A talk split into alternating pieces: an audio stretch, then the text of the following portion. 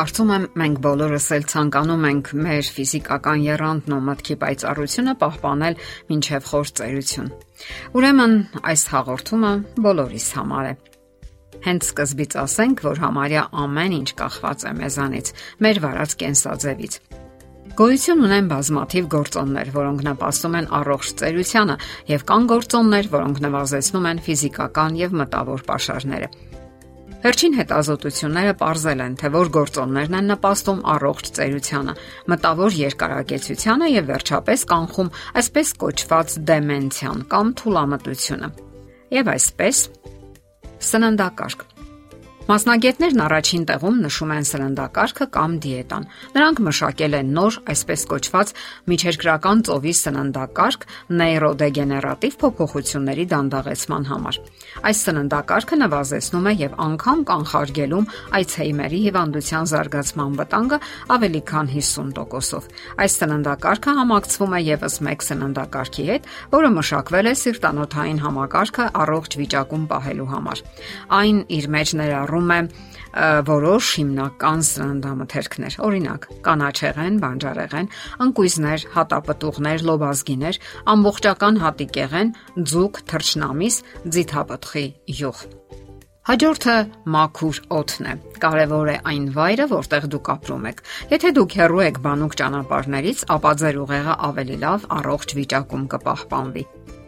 Օթի նույնիսկ ճափավոր կեղտոտվածությունը վնասում է ուղեղին երկարաժամկետ հեռանկարում։ Այն կարող է վատթարացնել ճանաչողական ընտունակությունները եւ լուր ինսուլտներ հրահրել, որոնք ապագայում դեմենցիայի զարգացման գործոններ են համարվում։ Հետազոտողները հայտնաբերել են նաեւ, որ կեղտոտված օդ շնչող մարդկանց մոտ ուղեղը ավելի փոքր ծավալ է զբաղեցնում։ Կարևոր է նաև D վիտամինը բավականաչափ քանակի։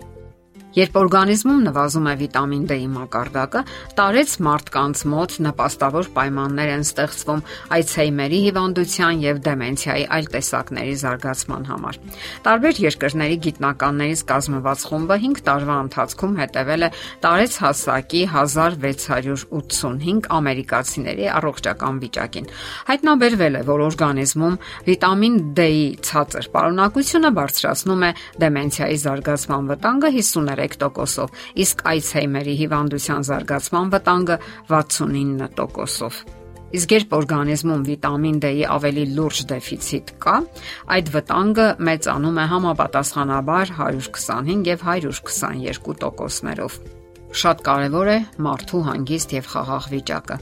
Տագնապը, խանդը, տրամադրության կտրուկ տատանումները կյանքի միջնամասում երկու անգամ կարող են մեծացնել հետագայում Alzheimer-ի հիվանդությամբ տառապելու վտանգը։ Գիտնականները ամբողջ 38 տարի ուսումնասիրել են 800 կանանց եւ հայտնաբերել, որ բնավորության նևրոտիկ գծերը, տագնապը, նախանձը, խանդը, տրամադրության տատանումները եւ սթրեսի բարձր մակարդակը համարվում են ռիսկի գործոններ տվյալ հիվանդությունների զարգացման համար։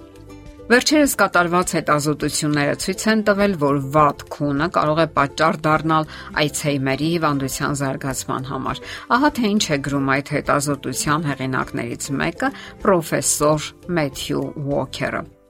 Հունը նպաստում է սպիտակուցային թունանյութերի մաքրմանը։ Այդ թունանյութերը կարող են կուտակվել եւ քայքայել ուղեղի բջիջները։ Առանձնահատուկ կարևորություն ունի այսպես կոչված դանդաղալիքային կամ խոր քունը։ Այս փուլը տևում է գիշերային քնի մոտավորապես առաջին 3 ժամերին։ Շատ կարևոր է ֆիզիկական ակտիվությունը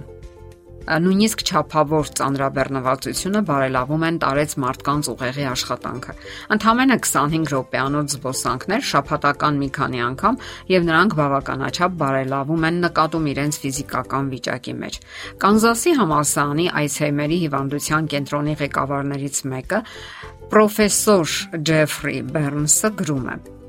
Որքան ավելի երանդուն ֆիզիկական կյանք է վարում մարդը,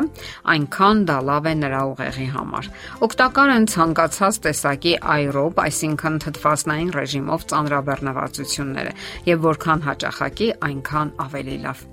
Եվ այսպես փորձելով ընդհանրացնել այս բոլոր գործոնները կարելի է ասել, որ միանգամայն հնարավոր է եւ անգամ անհրաժեշտ նախապատրաստվել կյանքի գալիք հատվածին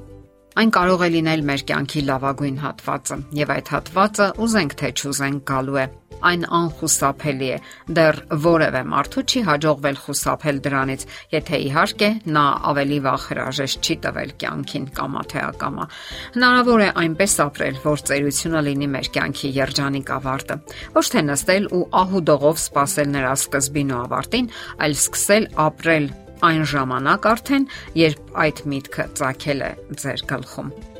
Մտածեք առողջ եւ լիարժեք կյանքի մասին։ Ինչ է նշանակում սա ձեզ համար եւ ինչպես եք ցանկանում ապրել ձեր կյանքի այդ հետաքրքիր փուլը կամ հատվածը, երբ բազմաթիվ հոգսեր ու հիմնախնդիրներ արդեն գոյություն չունեն ձեզ համար։ Երեխաները մեծացել են, ամեն մեկն ունի իր կյանքը, իր բնակարանը, իր բույնը։